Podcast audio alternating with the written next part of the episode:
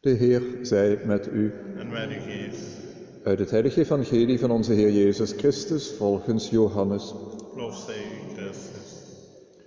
In die tijd werd te Jeruzalem het feest van de tempelwijding gevierd. Het was winter en Jezus hield zich op in de tempel in de zuilengang van Salomo. De Joden kwamen in een kring om hem heen staan en zeiden tot hem: Hoe lang houdt gij ons nog in spanning? Als gij de Messias zijt, zeg het ons dan ronduit. Jezus gaf, hem, Jezus gaf hun ten antwoord: Ik heb het u gezegd, maar gij gelooft het niet. De werken die ik in naam van mijn Vader doe, zij leggen getuigenis over mij af. Maar gij gelooft niet, omdat gij niet tot mijn schapen behoort. Mijn schapen luisteren naar mijn stem, en ik ken ze, en zij volgen mij. Ik geef hun eeuwig leven. Zij zullen in eeuwigheid niet verloren gaan, en niemand zal ze van mij wegroven. Mijn Vader immers, die ze mij gegeven heeft, is groter dan allen. En niemand kan iets uit de hand van mijn Vader roven. Ik en de Vader, wij zijn één. Zo spreekt de Heer. Danken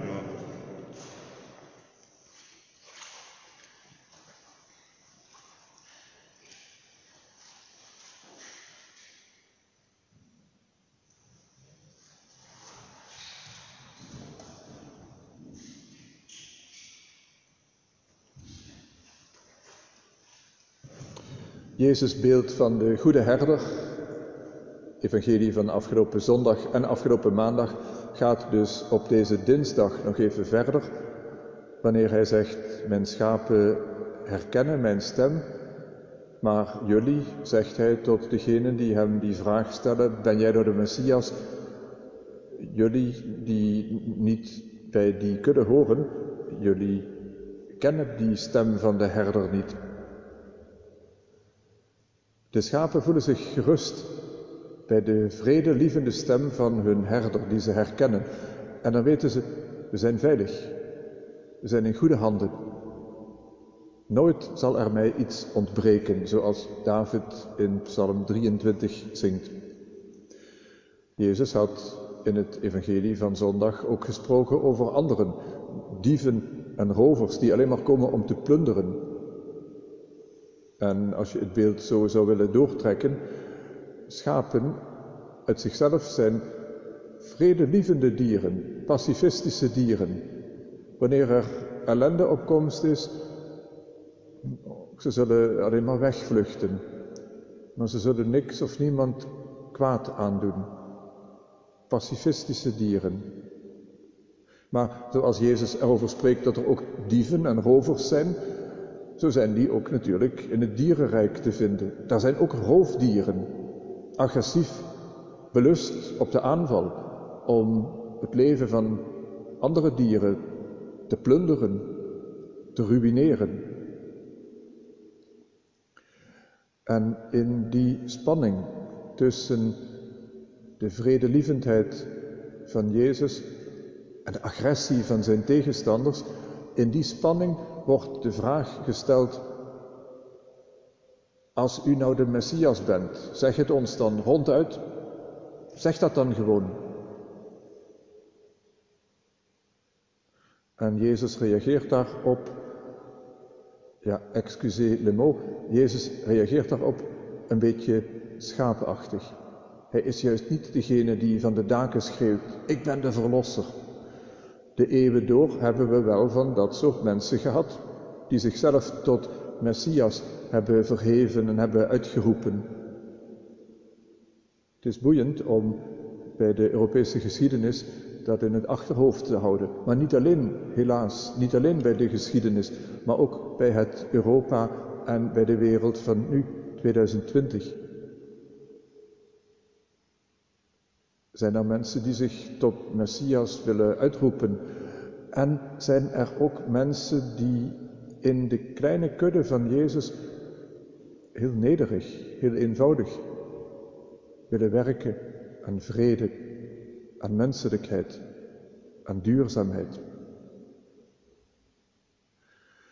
Zo iemand was er ook een dikke eeuw geleden.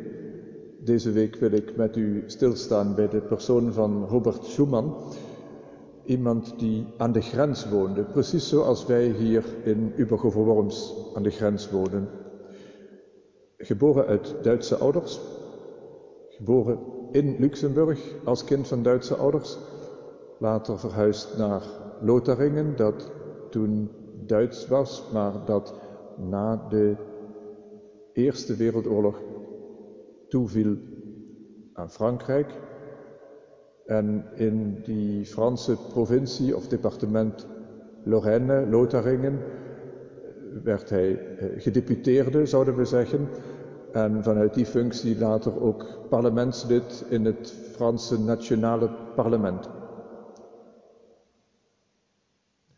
Daar is nog iets heel typisch aan te danken, namelijk dat Lotharingen, en volgens mij is dat tot op de dag van vandaag, als ik me niet vergis, dat Lotharingen het enige departement is waar katholieke scholen mogen bestaan. U kent een beetje, de, ik ken ook een beetje de geschiedenis van Frankrijk, scheiding van kerk en staat, dat tot op het gestreste in Frankrijk wordt doorgevoerd. Soms proef je die stress ook hier in Nederland. En dan is er één departement Lotharingen waar dan wel katholieke scholen in handen van de kerk mogen bestaan. Dat heeft toen die gedeputeerde Robert Schumann weten uit te houden. Want hij was een zeer overtuigde katholiek. Niet een schreeuwer, maar eerder iemand die opereerde vanuit de stilte, kwetsbaarheid van het lam. Een, mag je wel zeggen, enigszins teruggetrokken persoon. Een vrome man ook, dat had hij van zijn ouders. In zijn jonge jaren heeft hij erover gedacht om priester te worden. Dat heeft hij niet gedaan. Hij is jurist geworden en wel een katholieke jurist. Iemand die wist, ik ben geroepen om mensen te dienen in Gods naam, om het voor hen op te nemen, om op te komen voor gerechtigheid. En die kwetsbare liefhebber van de gerechtigheid, Robert Schumann, heeft dus twee wereldoorlogen meegemaakt. De Eerste en daarna ook de Tweede Wereldoorlog. En over hem is heel bekend dat hij na die Tweede Wereldoorlog zich, zich beijverde om in ieder geval in Europa economisch te gaan samenwerken. Dat was die Europese gemeenschap voor kolen en staal.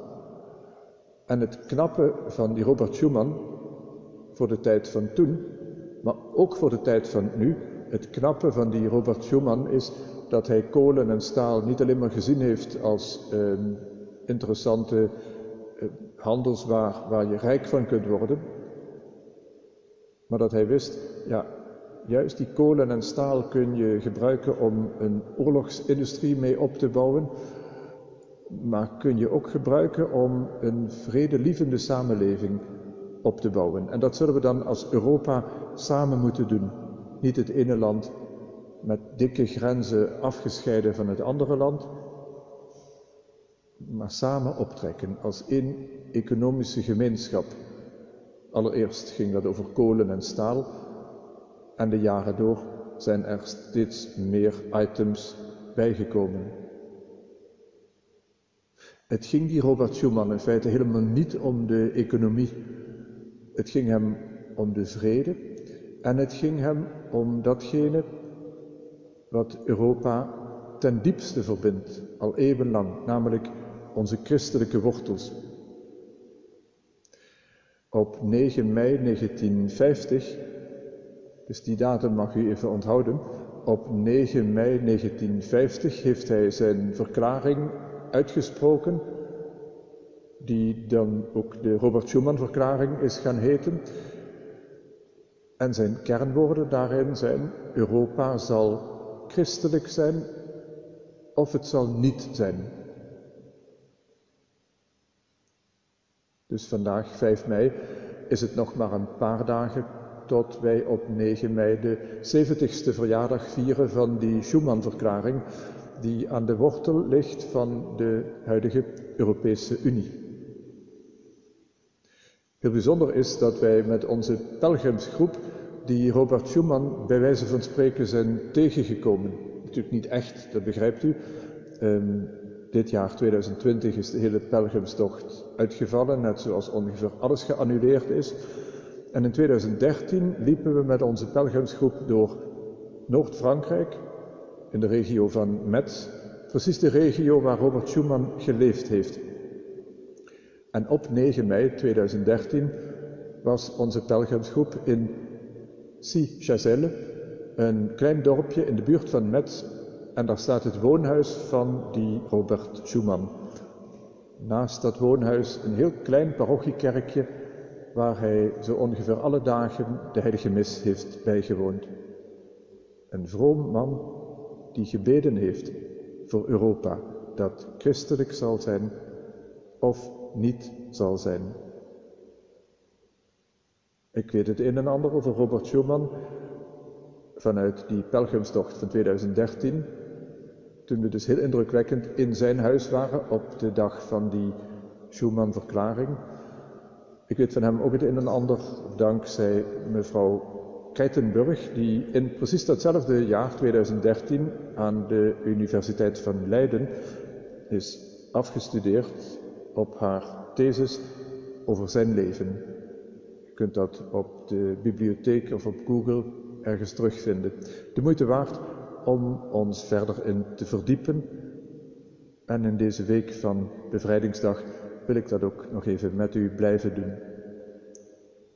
We delen met Robert Schuman zijn diepe eerbied voor God, in wiens handen wij ons Nederland, onze Europa en onze wereld van 2020 biddend willen leggen.